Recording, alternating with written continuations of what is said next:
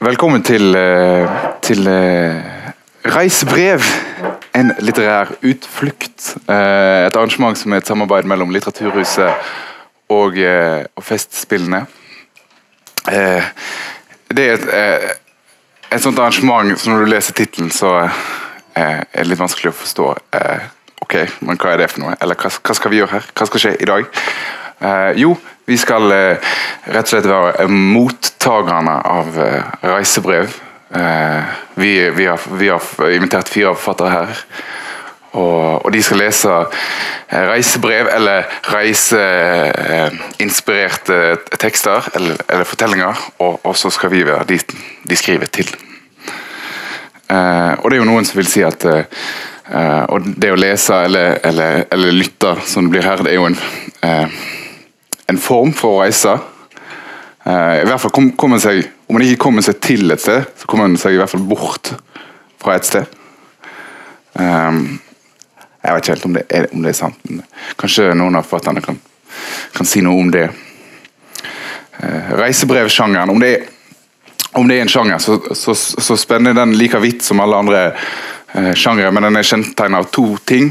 Uh, det første er selvfølgelig at den er på, på reise, eh, men eh, hva betyr egentlig det? Eh, som regel er det jo en, en fysisk reise til et annet land, gjerne, gjerne litt langt borte kanskje.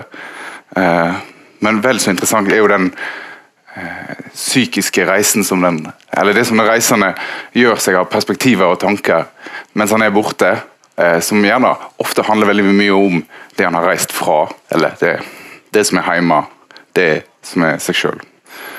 Eh, og så kan en jo reise eh, i tid, eller eh, en kan si at livet er en reise.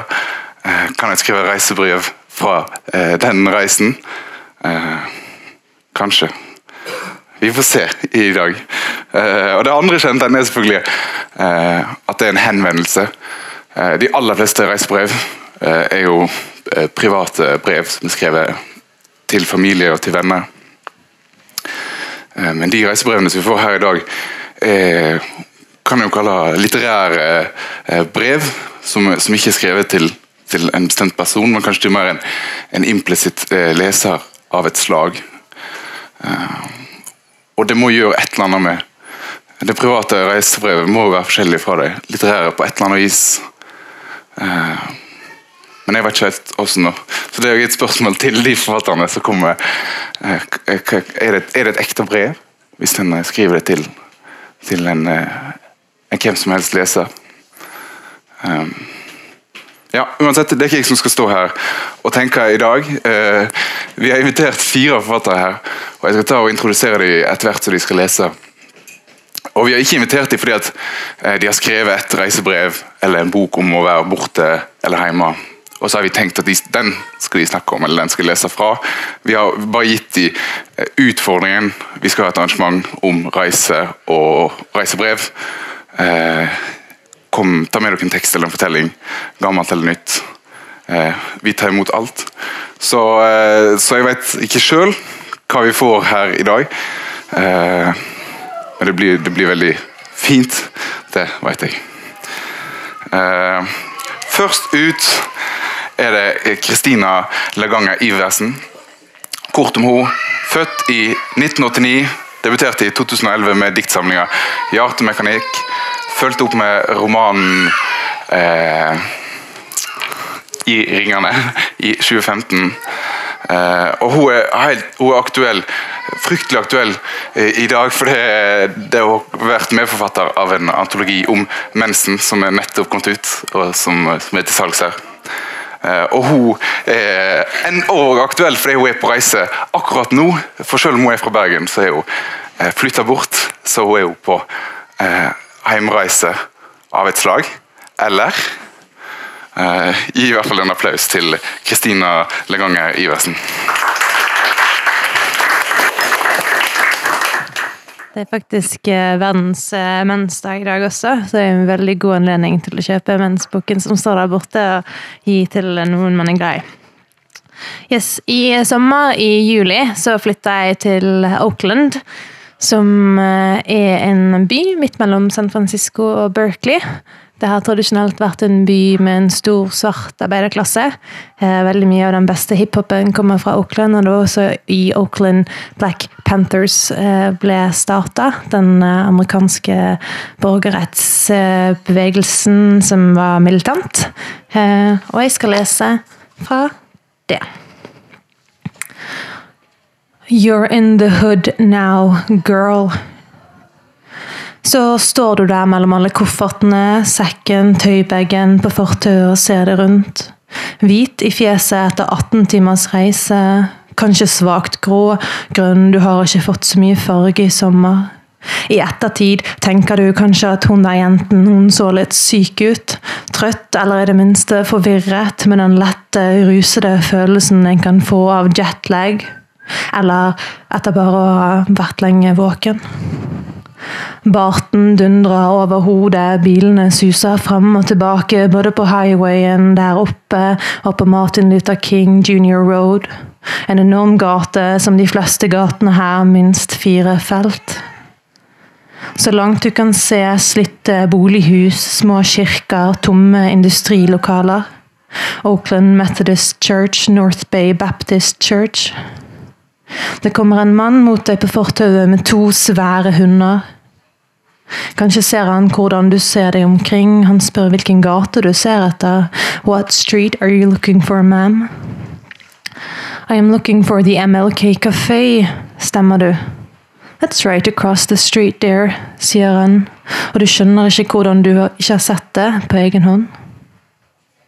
Idet du kom ut av barten, slo det deg hvordan du skilte deg ut. Å bli synlig for seg sjøl Seinere skal noen si til deg I am so goddamn tired of hipsters. But you, you got your own thing going on. Og du skal lure på hva det betyr. Tenke på forskjellen mellom å være hipster i Oslo, i New York og her. Hvordan en kan skli inn en plass og skille seg ut en annen. Hvordan en kan være en majoritet en plass og være en inntrenger en annen. Å komme til en plass med sin hvithet og sine penger men han, den første personen som snakker til deg, bare den første av en rekke varme, hyggelige mennesker du skal treffe på gaten. Du skal lære det imellom disse husene, at de fleste er hyggelige. Hyggeligere enn andre plasser du har vært. Kanskje skal du også lære det at ikke alle er det, men det vet du ikke ennå. Framtiden er som de gjenspikrede vinduene på husene rundt deg. Du snur deg og ser i den retningen fingeren hans peker, og der, rett over gaten, er Melkay Café. Der skal du møte Julene, damen du skal bo hos den første måneden, som skal hente deg og kjøre deg de siste kvartalene, så du slipper å drasse på bagasjen og finne veien. Du trenger kaffe og cola. Klokken er fem på dagen her, men i din tid er hun to på natten. Lyset stikker i øynene, og du føler deg lett svimmel og sjøsyk. I tidssonen du har reist fra, er det natt. Han er gått og lagt seg. Han sendte deg en godnattmelding etter at du skrev at du var landet. Imellom deg og kaffen er det fire felt, et tonn bagasje og ingen overgang. Should I just cross the street? spør du. Selv om du ikke helt vet hva du skulle gjort om han hadde sagt nei. Yeah, You do that, sier hundemannen med sin slepne, dype svartamerikansk. But look out for the cars though, because they won't stop, not even if they hit you. You're in the hood now, girl. Du springer over veien med koffertene på slep, setter deg ned på kafeen, bestiller en cola og en kaffe. Må makse koffeinet så du kan holde deg våken, iallfall til klokken ni. Idet kaffen og colaen kommer, kommer også meldingen fra Julene. Hun kan være her om 15 minutter. Perfekt, svarer du og tømmer halve colaflasken i et tørst gulp. Det er lett å flytte og reise. En pakker tingene sine ned i esker. En lagrer de, en selger eller gir bort det en har. En tømmer en leilighet. Der hvor det var et liv, er det ikke mer enn støvet det er umulig å få bort fra sprekkene i gulvet. Så reiser en. En drar med fly, buss eller båt. En blir kjørt til togstasjonen av en venn, eller en går alene ut døren fra det som har vært et hjem, og hører smekklåsen gå der bak en, uten mulighet til å åpne døren igjen. Nøklene henger der inne, klare for de neste som skal gå over gulvene og fylle hyllene med bøkene sine. Legge ullundertøyet i skuffene og tøflene under sengen. Det skal bli høst og vinter der utenfor vinduet, og bladene skal falle, og det skal snø om nettene under gatelyktene det tok deg tre uker å venne deg til og sove i lyset fra. Du reiser alene. Kanskje reiser du fra noen. Venninnen som klemmer deg den morgenen etter at de har drukket kaffe. Kjæresten som subber ned trappen like før du skal dra, med hetten over hodet. Han som ville gå før du reiste, så du skulle se han gå fra deg, mens han skulle slippe å se deg dra. Det er, når alt kommer til alt, du som drar fra han. Litt rettferdighet må det tross alt være i verden. Hetten hans på vei nedover ulvetrappen. For et par sekunder siden holdt du rundt han, hånden hans i din. Det er lett, du slapp, du slipper. Trappene på innsiden av øyelokkene når du lukker øynene. Ansiktet hans vanskeligere å kalle frem. Det er udramatisk å flytte og reise. En kommer til flyplassen, leverer fra seg koffertene i skranken. Billetten er betalt, plassen du skal bo, er betalt. Du har overvekt på koffertene, 25 kilo, dette er livet ditt. Det skulle bare mangle. Du flørter litt med personen i skranken, du slipper å betale overvekt. Venninnen din ser, eller ser det ikke. Hun står på avstand, går et par skritt bak. Så skal de gå til sikkerhetskontrollen, der du og det du har med deg, skal bli gjennomlyst. Det skal pipe, en vakt skal stryke hendene sine over deg ettersom du har blitt plukket ut til en tilfeldig kontroll. Han spør om du heller vil bli sjekket av en kvinne. Du rister på hodet, det spiller ingen rolle for deg. Seinere skal du tenke at nettopp det kanskje var siste gangen noen tok på deg på de plassene, de intime, lår og midje, før kjæresten din skal komme på besøk.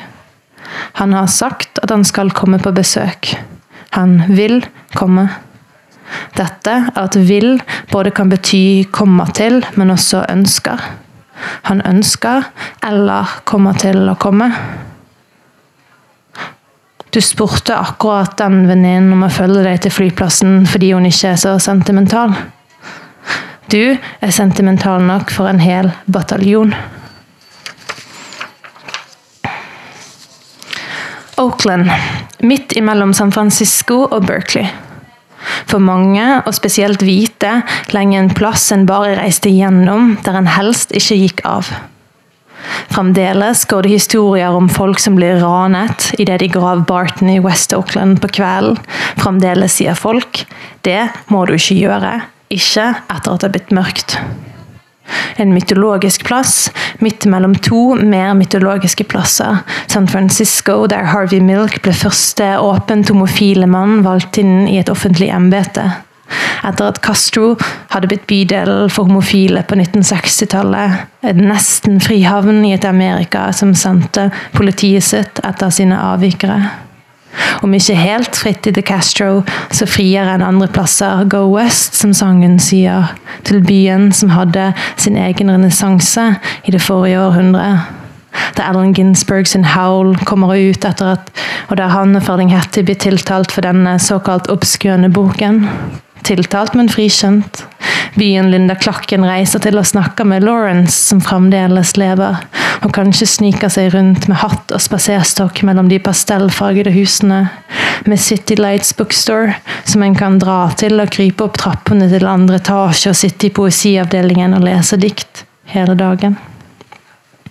Også Berkeley, der universitetet er. En campus som Ronald Reagan da han var guvernør i California skildra som en himmel for kommunister, sympatisører, demonstranter og seksuelle avvikere.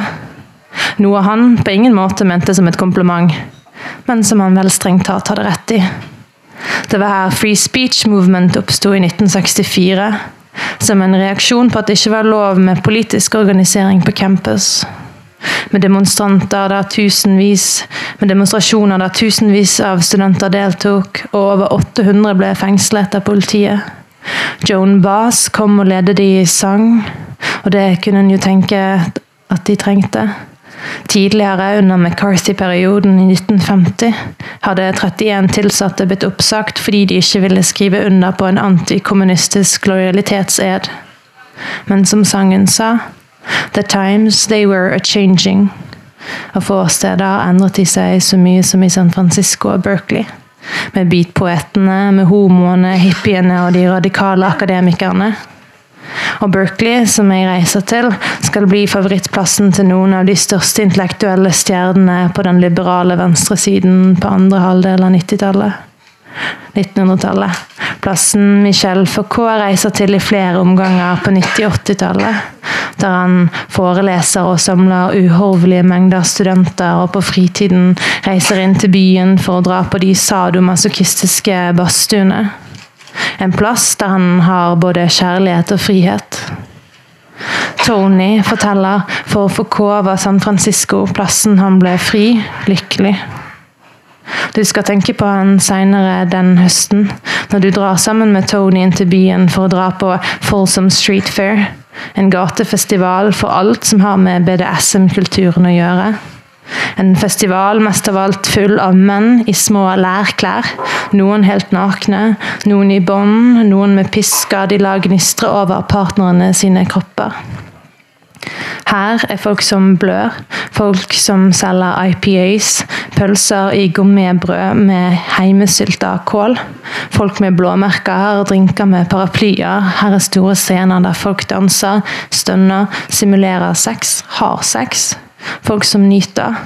Her kan en kjøpe utstyret, for det er tilsynelatende en utstyrskrevende frihetspraksis. Her er alt. Her er vi også, streitingene som er der for å se på alt som skjer. Som ser rundt oss, og som lurer på om det var dette som skulle gjøre oss fri. Og du tenker på den plassen smerten har fått i den amerikanske kulturen. Hvor stort det er blitt etter Fifty Shades of Grey, når smerten sto igjen som det vi kunne samle oss om og tro på. Du blir litt smådeppa av det. Seinere skal du tenke på Folsom når du reiser til Las Vegas og subber over teppene mellom videopokermaskinene med Daff gratispils og ser pensjonister og kjærestepar som kjederøyker uten blikk for annet enn de surrende hjulene og digitale blackjack-bord og gevinster som går opp og ned men mest ned. Den amerikanske lykken. Men det er ikke hit du har flyttet. Ikke til San Francisco og ikke til Berkeley, selv om det er Berkeley du skal besøke. Dit du blitt invitert. Det er Oakland du skal bo i. I virkeligheten er det det eneste alternativet du har råd til, slik det er det eneste alternativet noen har råd til. For det er lenge siden hippiene rådde i Haight Ashbury, og San Francisco var et fristed. På begynnelsen av 2000-tallet kom Twitter, Instagram, Uber og en rekke andre teknologiselskap og slo seg ned i byen. Inn kom yuppiene, som alle hater. Unge folk, ofte menn som får skyhøye lønninger i tech-firmaene, kjøper opp eiendom i byen og driver opp prisene slik at ingen andre har råd til å bo der. Det verserer en hel del rykter om disse young professionals with an affluent lifestyle. Om hvordan de kastet ut en lokal gjeng med ungdommer fra fotballbanen de hadde spilt på i alle år. Fordi disse slaske nerdene som sikkert ble mobbet på high school og nå har blitt nyrike og fått penger til å leie fotballbanen, og da ikke vil dele dem med noen, iallfall ikke en gjeng med larvete kids som er oppvokst i byen. Nei, du har ikke penger til å bo i Frisco, og selv om hjertet ditt banker for alt det byen har vært, er det ikke det du vil. For selv om du etter hvert vil elske å vandre rundt imellom de italienske sjappene på North Beach, spise tacos i Mission District og sykle opp til Twin Peaks, så er det ikke her du kan bo. Egentlig er planen å bo i Berkeley, Egentlig ikke fordi du vil det, men fordi du er relativt lat. Og det har seg sånn at en venn av deg har bodd i Berkeley og skal flytte ut av kollektivet sitt. Du kan sikkert ta over det, sier han en gang i mars, et par måneder før du skal dra. Og det sier han igjen og igjen utover våren, men uten at du er helt får forklaret i om det er avtalt. Og så i slutten av juni så viser det seg at det kan du faktisk ikke, for sønnen til huseieren har droppet ut av college og skal bo der sjøl. Det er en måned til du skal reise, og plutselig har du ingen plass å bo. Og du som har sittet på møte etter møte med de andre Fulbright-stipendiatene og hørt om hvor vanskelig det er å finne seg en plass å bo, har følt deg så letta og flink fordi du har ting i orden. Du har ikke ting i orden. Og det er ikke så lett å sitte på Craigslist på andre siden av verden og lete etter bolig. Når en fyr tilbyr deg å reservere et rom for deg om du setter over 5000 dollar til han over PayPal, og du nesten er så desperat at du vurderer det etter å ha svart på 100 annonser, slår tanken ned i deg. Herregud, Kristina. Du har fått et stipend. Hva med å bare bruke en del av det og booke det inn en måned på en Airbnb? Som sagt, så gjort.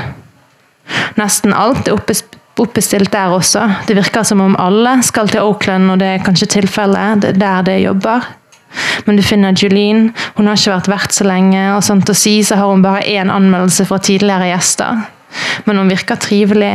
Magefølelsen sier at det blir rett.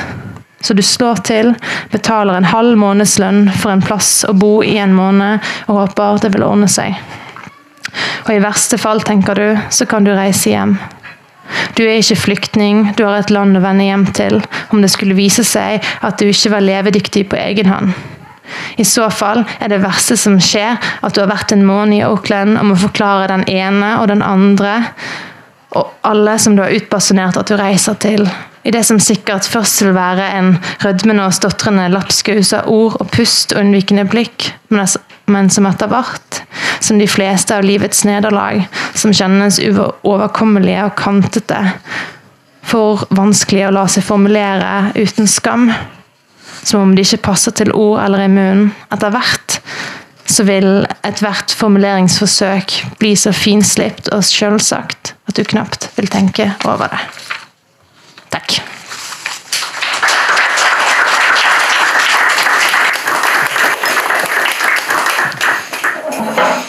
Oh, tusen takk for det. Det var, det var veldig fint. Interessant med um, ja, at er skrevet i du-form, og så er det skrevet til seg sjøl også.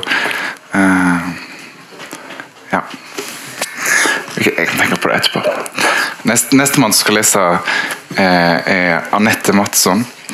Uh, hun er født i 1959. Eh, debuterte i 97 med novellesamlingen eh, 'Fotografiet'. Og Siden det har hun skrevet eh, både noveller og eh, men mest opptatt av noveller, tror jeg. det hun skal lese for oss her i dag, er en nyskreven tekst som er skrevet for, eh, for Litteraturhuset og Festspillene. Eh, ikke for dette arrangementet, men for eh, den benken som er ute i gata her. Dette skal jeg komme tilbake igjen på slutten, for der kan vi gå, eller kan alle gå etterpå. og Det er veldig fint. Det er litt uh, usikker på om det er en dikt eller en novelle. Vi skal, vi skal få høre. Uh, det er ikke jeg som er usikker, altså, det er Anette sjøl som, som, sier det. Det er uklart, og det er jo det beste med de tingene som er uh, uklare og, og, ikke helt avklart. det er òg en annen type reise enn den vi nettopp hørte fra Kristina. ja, det er ikke noe annet å si enn gi en applaus for Anette Madsson.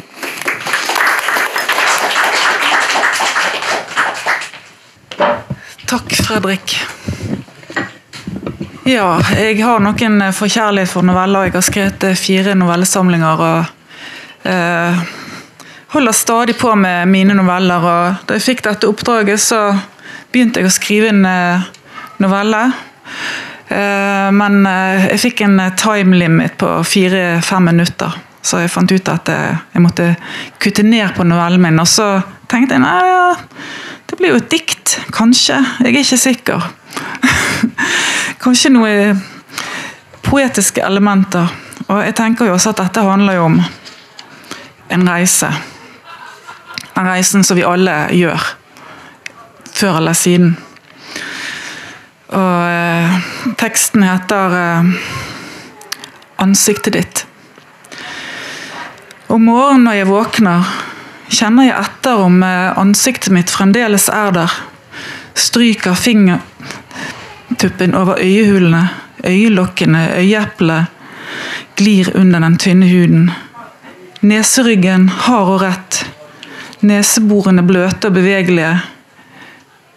Overleppen ligger mykt over tennene, og i søkket mellom armorbuene lar jeg tuppen på pekefingeren hvile litt før jeg stryker fingertuppene lett over leppene. Slik du gjorde, slik du vekket meg, når du våknet først. Du våknet bestandig tidligere enn meg, du kjedet deg så fort. Søvnen har glottet huden. Ansiktet under fingertuppene kjennes tidløst, nesten fremmed. Kroppen er stille. Det er ingen rumling, i magen, ingen lyder fra hjertet, som om det har sluttet å slå. Jeg fokuserer på venstre side av kroppen, forestiller meg ribbeina og i mørket under, beskyttet av muskler, brusk, hjertemuskel. Nesten umerkelig er sammentrekningene, dunkingen. Jeg åpner øynene, snur hodet, ser den tomme plassen ved siden av meg i sengen. At du ikke er mer. Et sjokk. Hver morgen skjer det samme. Jeg husker, og hjertet klaprer i brystkassen. Der ansiktet ditt pleide å ligge, er en stabel med bøker, og der kroppen lå, er det nå utallige klesskift fra de siste dagene. Jeg gjør det jeg skal, det jeg gjør hver morgen, kommer meg opp fra sengen, kroppen føles svak. Jeg er i verden. Beina bærer meg. Og jeg går ut på badet, slår på lyset, skrur på vannet, lar det styrtrenne, bli iskaldt, før jeg fyller hendene og slår vann i ansiktet. Hver morgen utsetter jeg meg for det iskalde sjokket før jeg retter meg opp og møter mitt eget ansikt i speilet. Jeg ser på meg selv som om jeg skulle vært en annen. Som om jeg er redd for hva jeg har blitt i løpet av natten. Den samme, alltid den samme, tenker jeg. Ansiktet ditt finnes ikke mer. Det er en umulig tanke. Men når jeg tenker på det, trer det frem i minnet mitt som om det er der, evig og uforanderlig. Er det mulig å glemme ansiktet ditt? I bokhyllen i stuen er et bilde av deg. Jeg tok det i mai. Du står, står på terrassen. Lyset er så fint der, og sjøen ligger nedenfor blokken. Danner en rolig bakgrunn. og jeg stirrer på bildet, stirrer uten å lukke øynene. Så er det som om du beveger deg. Øynene mine er tørre, jeg må blunke. Og når jeg ser på bildet igjen, står du der som før, der på terrassen, lent mot det blå rekkverket, med nesten skyfri himmel over. Slik vil jeg huske deg. Jeg tenker det, det glade ansiktet ditt. Du smiler med munnen åpen. Du smilte ikke så ofte. Du var en mann som smilte sjelden lukket inni deg selv. Du ser ut til siden, som om du smiler til noen som er utenfor billedkanten. Og jeg kjenner det hugge i brystet. Jeg ringer nummeret ditt, jeg greier ikke å la det være. En daglig oppringing. Et håp om at du en gang skal komme tilbake, at du vil svare meg. Jeg er redd for å glemme stemmen din. Den stemmen jeg tok for gitt. Svareren slår seg på, det er en liten pause, for opptaket begynner en nøling før du tar til å snakke. Svareren gjorde deg nervøs, og du snakker altfor fort, snubler i ord, før pipetonen kommer og jeg sier at jeg elsker deg. Jeg elsker deg, sier jeg. Venter. Venter på at du skal svare. Kraften i tanken er der fremdeles. Jeg sier navnet ditt. Halsen min svulmer.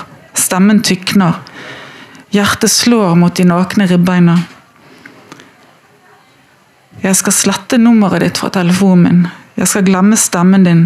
En dag skal jeg det. Om nettene hender det at jeg våkner. Det er av og til en følelse av et uh, nærvær i rommet. Som om fingertupper svever over ansiktet mitt. Takk for meg.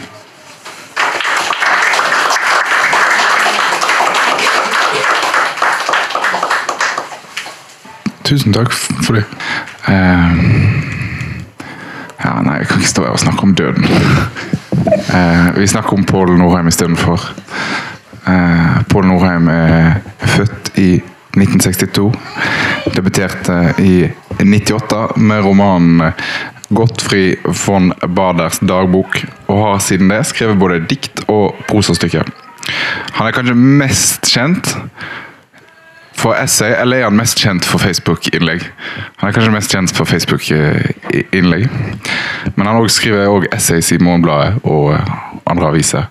Norheim eh, Kanskje skal han si noe om dette, men eh, eh, han vokste opp i, i, i, i misjonærfamilie i Etiopia. Eh, som, som, gjør at en, en kanskje, da, eller, eller, i hvert fall jeg tenker at en har et annet uh, utgangspunkt for å tenke Kanskje ikke først og fremst på det å reise, men på, på det er en reise mellom altså det, som er, det som er hjemme og, det som er borte når en er et sted, men har et hjem et annet sted. og Det er kanskje noe som mange av oss har opplevd, men ja. Jeg jeg bare sier velkommen til Pål Nordheim.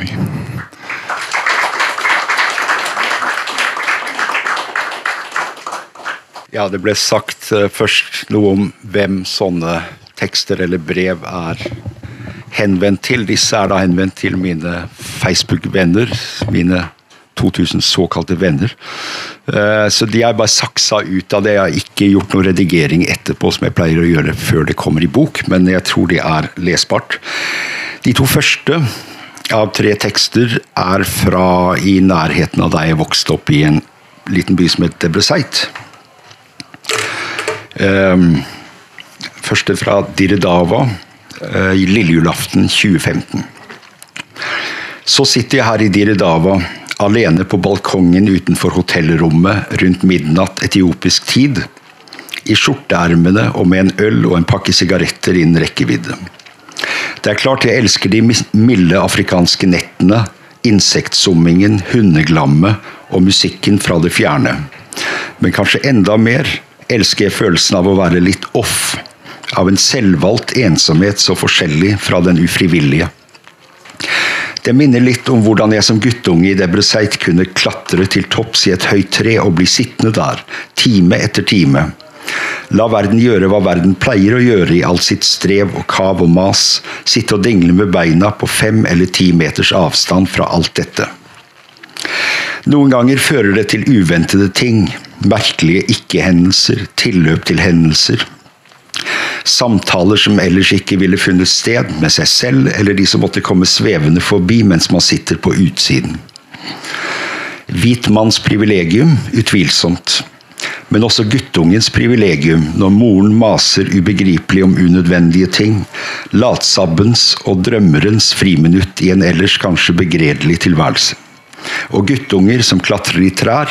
Latsabber og drømmere finnes overalt, ikke minst i Afrika. Eh, den andre er da fra Harrar. Eh, en gammel muslimsk by, sånn som mange sånne gamle medinaer i, i Nord-Afrika også, med labyrint, en labyrint av trange smug og sånt. Harrar 28.12.2015. En ettermiddag rett før solnedgang får jeg øye på en gammel dame, en ferench, altså en utlending, iført svarte sandaler, oransje sokker, mintgrønne bukser og et tørkle i samme farge. En blomstermønstret drakt og hvite blomster festet til det grå håret. Hun er kort sagt like fargerik som de lokale kvinnene som selger tomater, egg, poteter, løk, berbere eller chat på markedet. Hun hilser smilende på meg, og vi kommer i prat. En dag hjemme i Sveits hadde hun sett et kort innslag om Harrar på TV, og ropt til sin mann 'dit vil jeg dra'. Hun ante ikke hvor i verden Harrar var, og da hun googlet det, dukket det stort sett opp linker til Harare, hovedstaden i Zimbabwe. Nå bor hun alene innenfor bymuren i et av de tradisjonelle Adare-husene, som er omgjort til hoteller. Hun skal være her i ti dager. Hun reiser alene, sier hun, men frykter at dette kanskje er hennes siste utenlandsreise. Hun er 80 år gammel. Fysisk feiler det henne ingenting. Problemet er her, sier hun og peker på hodet. Mormoren min var tilfreds da hun etter å ha mistet korttidshukommelsen tilbrakte sine siste år på sykehjem. Det var overgangsfasen mellom en intakt og en sviktende hukommelse som var vanskelig. I den perioden bekymret hun seg daglig for strøm og telefonregninger som hun hadde glemt at hun allerede hadde betalt. Da hun ikke lenger husket hva hun hadde gjort eller sagt for fem minutter siden, forsvant også alle sorgene. Hun trodde at hun bodde på hotell, og når vi besøkte henne, pleide hun alltid å si 'jeg håper det er god service her'. Den sveitsiske kvinnen befinner seg tilsynelatende ikke på noen av disse stadiene. Vi støter på hverandre flere ganger senere, enten i smugene eller på en kafé på den åpne plassen midt i gamlebyen. Og hun gjenkjenner meg straks. Hun minner, minner, meg om forfatteren Mia Berner, som jeg hadde gleden av å bli kjent med i Oslo i årene før hun døde. Også hun levde livet til fulle etter fylte 80. Siste gang vi, møt, siste gang vi møtes, går vi til Rimbaud-museet sammen. Vi har begge vært der før, men elsker å titte på de mange fotografiene i andre etasje fra Rambauds og Ras Maconnens tid, altså faren til Haile Selassie, keiser. Noen av dem tatt av Rambaud selv. Vi snakker, snakker om for forskjellen mellom å se og oppleve et fremmed sted og å fotografere det, at det er to ting som ikke kan kombineres. Vi snakker om gleden ved å reise alene. Så vinker vi til avskjed og begir oss videre hver vår vei. Når jeg nå tenker tilbake på henne fra en kafé i Kairo, kan jeg ikke la være å forestille meg hvordan det ville vært å brått bli dement på et sted som Harar. Hver dag voksne opp, voks, våkne opp og forville seg i labyrinten av smug, symaskiner, tomater, geiter og moskeer. Hver dag oppdage stedet som for første gang. Og Den tredje er da fra en togreise mellom Marrakech i Marokko og Tanger. 16.11.2014. Om nettene, når lydene fra medpassasjerer har stilnet, transformeres hjulenes møte med skinnegangen før eller senere til musikk, der jeg ligger med kinnet mot puten i den trange sovekupeen. En natt hører jeg et bulgarsk sangkor, utdrag fra en opera. En annen natt heavy metal, tekno eller et banalt refreng fra en poplåt. Sjangervariasjonen er forbløffende, men når larmen først har blitt omdannet til et stykke musikk, repeteres dette vesle refrenget uten opphør inntil jeg overmannes av søvnen.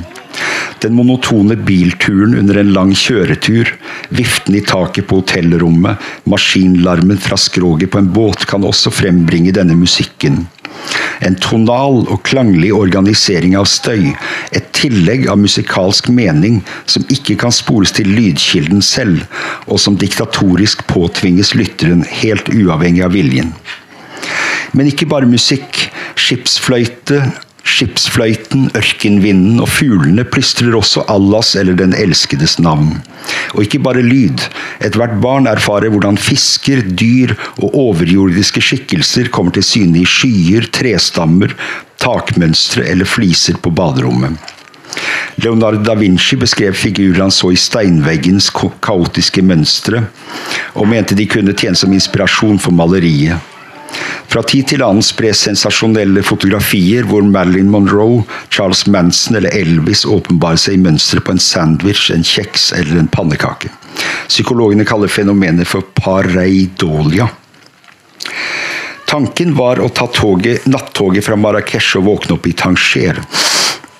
Slik jeg hadde gjort tre år tidligere på vei til Sauta. Denne gangen skal jeg videre til Madrid. I siste øyeblikk ombestemmer jeg meg og bestiller en billett til morgentoget. En behagelig kveld i baren og en god natts søvn på hotellet frister mer rett etter bussreisen fra Essaouira. På Bar Grand Tassi rett utenfor Jema El Fna blir jeg sittende alene og tenke på folk jeg har møtt her i årenes løp. Turister og fastboende, prostituerte, ørkenguider iført tuareg-kostymer. Jeg minnes Robert, den gamle smykkehandleren, homse. Han var svak til bens og bar alltid stokk. Robert elsket å fortelle. Han berettet om militærtjenesten på Madagaskar den gang øya fremdeles var fransk koloni, om revolten mot faren, korrespondansen og møtet med Paul Bowles i Tanger. Han skildret operaforestillinger i New York med Maria Callas og Birgit Nilsson, sangstemmenes og kjolenes prakt. Blant kundene hans i den eksklusive smykkeforretningen på Manhattan var også Jackie Onassis. Det forunderlige var at hun alltid henvendte seg til meg på engelsk, enda hun snakket perfekt fransk. Jeg minnes Robert sølvbeslåtte stokk, ringen i øret, vokalene lød som konfektbiter i munnen hans. Paul, når jeg ser tilbake på mitt liv, et rikt liv. Når jeg ser tilbake på alt sammen, så har øyeblikkene av skjønnhet i kunst og opera og bøker vært mye viktigere enn min familie, mitt sexliv eller penger. Jeg minnes Sam, fastboende marokkaner. Sent en søndag ettermiddag satt han og drakk Flagg Spesial, det lokale ølet, sammen med en eldre herre. Da denne forlot lokalet, røpet Sam at han var a born again Christian men ba meg innstendig om ikke å fortelle det til noen. Sam var neppe hans egentlige navn, han hadde bodd noen år i North Carolina, hvor han etter hvert knyttet kontakt med en baptistmenighet. Han kjente få kristne i Marrakech, og skottet nervøst rundt seg mens han snakket. Sam var dykker. Da jeg spurte om han ble omvendt under Amerikaoppholdet, ristet han på hodet. Jeg møtte Jesus rett utenfor Agadir. Det skjedde flere år før jeg dro til USA. Vi jobbet på en oljeplattform og jeg og en dykkerkollega skulle gjøre noe vedlikeholdsarbeid på mange meters dyp. Der nede i vannet fikk jeg helt brått og uventet øye på Jesus. Jeg så ansiktet hans lyse opp fra dypet. Jeg sverger på at det er sant, like sant som at jeg sitter her og drikker øl med deg nå. Og jeg er glad jeg var sammen med en kollega, for jeg holdt på å svime av ved synet av Frelseren. Jeg kunne ha druknet der nede mellom sardinstimene. Men jeg kunne ikke fortelle ham hva jeg hadde sett, jeg lot som jeg bare hadde hatt et illebefinnende. Ingen imaginær musikk stiger opp fra togskinnene neste formiddag, til det er stemmene fra passasjerene for høylytte. I Casablanca må jeg bytte tog. Jeg havner i samme kupé som en ung mor med to sønner og en dresskledd franskmann. Vis-à-vis meg sitter en mann i 60-årene med øynene vendt mot landskapet utenfor vinduet. Etter en stund tar han opp en liten bok med koranvers og begynner å resitere mens han holder den vesle boken rett fremfor fjeset. En serie stavelser i hurtig rekkefølge. Halvt lest, halvt sunget med samme monotone melodi. Jeg plukker frem notisboken og noterer melodiens gang. A, G, E, D, C, D, C som var jeg en folkeminnegransker fra før grammofonens dager. Tre-fire stavelser på hver tone, nedadgående i trappetrinn. Etter noen minutters resitasjon legger han boken på bordet og slår av en prat med de andre i kupeen. Så tar han den opp igjen for å resitere enda noen vers. Og slik går timene mellom Casablanca og Tanger. Løst prat avveksles av andektig resitasjon. Like før vi går av toget, kommer jeg i snakk med en franskmann jeg vil vite når ferjene slutter å gå mellom Tanger og det spanske fastlandet. På perrongen gir han meg visittkortet Simon Pierre Amelin, romanforfatter og sjef for bokhandelen Libraire de Colonne, et møtested for forfattere som Beckett, Genet, Capote, Bowles og Borrows for mer enn 50 år siden. Det har blitt mørkt, og det er for seint å rekke en ferje over til Europa i kveld. I drosjen på vei til hotellet slår det meg at også denne dagsreisen rommet en slags togmusikk. Og kanskje er driften, etter mønster og mening i larmen og kaoset, den driften som kommer til uttrykk når jeg hører musikk fra togskinnene, beslektet med driften som fikk den fromme muslimen fra togkupeen til å resitere koranvers. Hans drift i form av en viljesakt, min ufrivillig. Betraktet fra en tilstrekkelig stor avstand kan det tenkes at forskjellen mellom dem ville blitt visket ut. Takk for meg.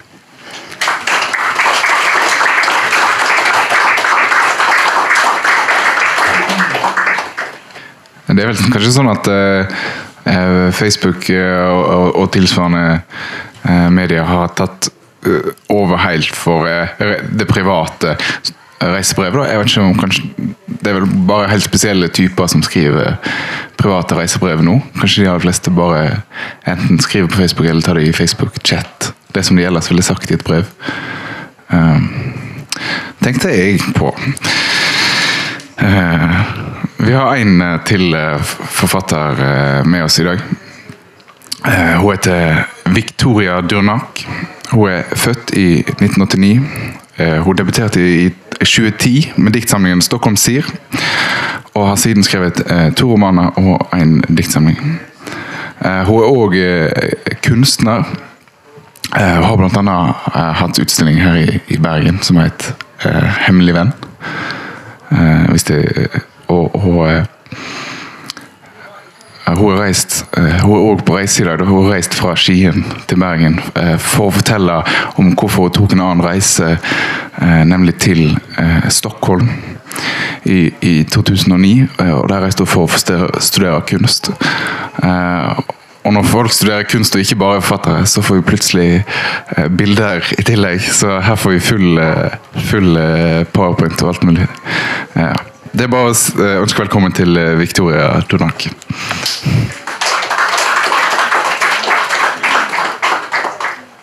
Hei. Eh, takk for introduksjon og invitasjon. Jeg skrev debutboka mi 'Stockholm sier' da jeg flytta til Stockholm for å ta en bachelorgrad i kunst i 2009. Jeg var 20 og befant meg plutselig alene i en by der jeg måtte bytte bolig fire ganger bare det første året. Jeg hadde svensk personnummer, men fraktet alt jeg eide rundt på tunnelbanen. Jeg var allerede i dialog med Flamme forlag etter å ha sendt inn noen dikt, men det var først da jeg sa til redaktøren min jeg kan ikke skrive dagbok heller, og han svarte hvorfor ikke, at det løsnet. Og selv om jeg i de senere årene har skrevet bøker ut ifra premisset at jeg først skal bestemme meg for å utføre en handling, som f.eks. å kontakte fremmede på finn.no, for så å skrive om det, ble det bok av valget mitt om å dra til Sverige. Et valg jeg i begynnelsen av mai ble konfrontert med at jeg ikke hadde et avklart forhold til. For da en venn av søsteren min spurte meg på en grillfest hvorfor ble det Stockholm, var jeg svar skyldig. Jeg mumlet noe om god togforbindelse til Oslo S, og bestemte meg for å ta et oppgjør med min egen beslutning. At det ikke var tilfeldig, var jeg sikker på. Noe med Sverige tiltrakk meg, noe helt spesifikt, men jeg lot det altså gå sju år uten å sette fingeren på det. Og da jeg fikk invitasjonen til å delta på dette arrangementet, tenkte jeg det var en god anledning til å komme til bunns i saken. Hvorfor akkurat Stockholm? Eh, Her er et dikt fra Stockholm tider. Jeg ligger i sjøstjerneform på stuegulvet. På hver arm et øye som registrerer lys. Lever av muslinger og andre små dyr. Vet en ny arm vil vokse ut om en kuttes av. At posten leveres ti over tolv fra mandag til onsdag. Halv ett resten av uka. Hører en sang 19 ganger på rad. 19 ganger 4 minutter og 54 sekunder. Treverket klør.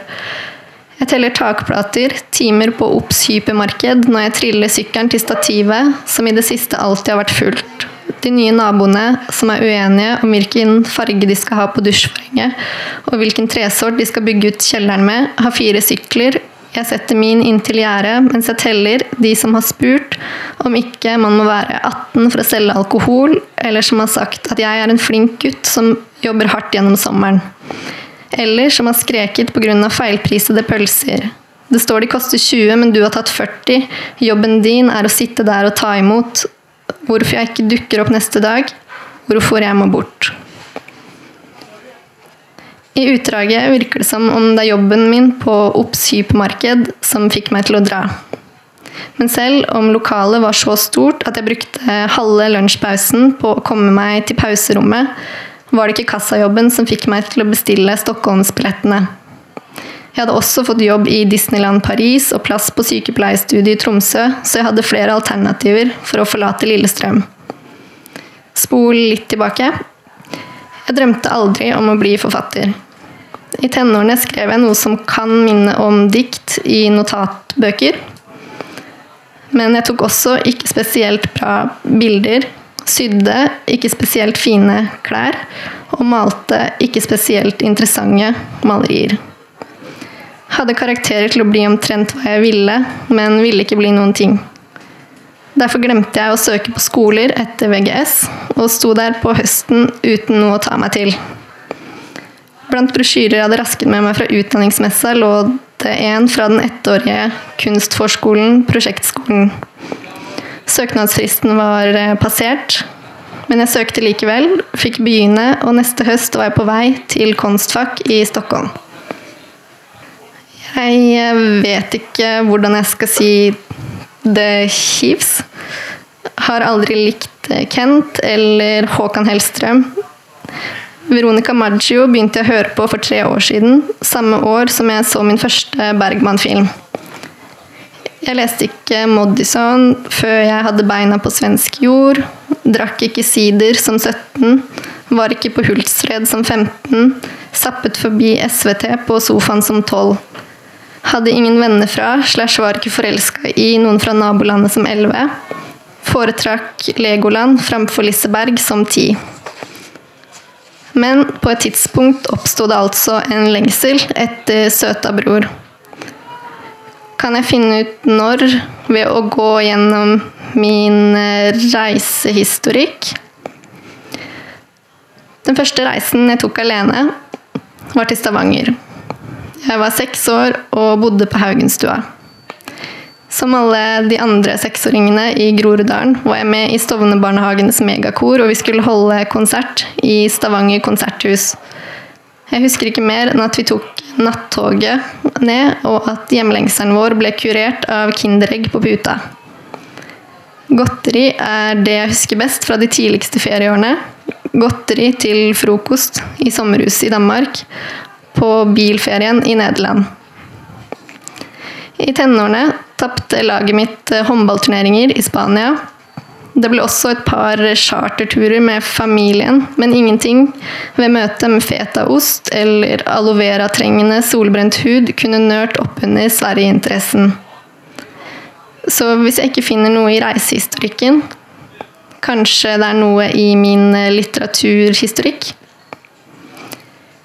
Moren min lærte meg det store alfabetet da jeg var fire, fordi jeg spurte hvilken bokstav er det, og det og det og det, da vi var ute. Det lille alfabetet lærte jeg meg da jeg var fem, av et toalettpapir der de store bokstavene sto ved siden av de små. Etter et dobesøk med Flode alene annonserte jeg stolt. Jeg kan lese. Så jeg leste hestebøker og jo, som åtteåring kunne jeg tenke meg å leve som karakterene i Penny-bøkene. Altså som jockey i California, dressurrytter i Tyskland, eller som hestehvisker blant ville mustanger på prærien. Men selv om Sverige er størst i Norden på hestesport, utspilte ikke en eneste bok seg der. Først da jeg lette gjennom esker på loftet til moren min sist helg, knakk jeg koden. Jeg så etter barnebøker til min snart fire måneder gamle sønn, men fant svaret på hva som igangsatte drømmen min om Sverige. Mellom den nevnte Flode alene og Barnas beste baksetebok fant jeg VHS-en jeg kan takke for at ting ble som de ble. En svenskdubbet versjon av Barbie and the Rockers Out of This World, der sangene mystisk nok var på engelsk. Det er også et mysterium hvor jeg fikk VHS-en fra, men da jeg sto med den i hånda for sju dager siden, slo følelsen jeg fikk da jeg så den om og om igjen, meg rett i magen. Den samme følelsen jeg hadde på Stockholm sentralstasjon i juli 2009. I filmen holder Barbie og bandet en konsert i rommet for å fremme verdensfred. Denne kringkastes i hele verden, og på vei tilbake til jorda havner bandet i et sort hull som sender dem tilbake til 50-tallet. Barbie var kul, sangene var fengende, og det ytre rom har aldri sett mer innbydende ut. Og da jeg sto med VHS-en i hånda, gikk det enda et lys opp for meg. Den første romanen min handler jo om ei jente som tar en roadtrip med sine konservative besteforeldre i USA, mens hun frykter at verden blir slukt av nettopp et sort hull den siste datoen i mayakalenderen. Noe annet jeg ofte tenker på i mitt kunstnerskap, er venner. Bestevenner. Det er visst mye jeg kan takke Barbie and the Rockers for. Først og fremst for at jeg ble forfatter, for da 19 år gamle meg ikke kunne studere i verdensrommet, ble det Stockholm. Takk.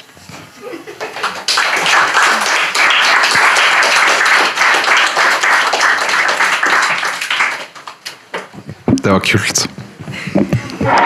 Nei, den, her, den må du kaste. Ok? Jeg skal bare si eh, takk, takk for oss, skal jeg si. Eh, og takk til, til eh, de forfatterne som tok eh, utfordringen og, og kom her eh, og, og delte tekst. Og eh, ja, det har vært veldig fint. Eh, dette her eh, arrangementet er et samarbeid eh, mellom Litteraturhuset og Festspillene i Bergen.